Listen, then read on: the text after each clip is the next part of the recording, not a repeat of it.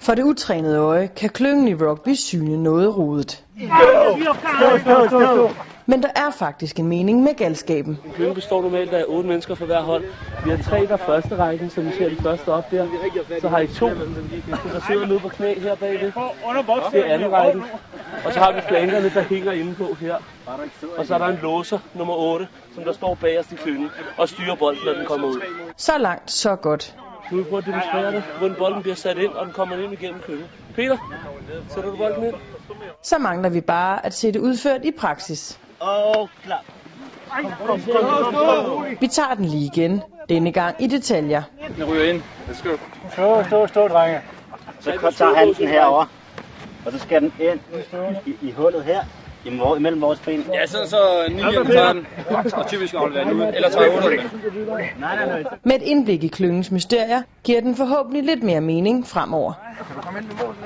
Bare brød, dreng. Bare brød.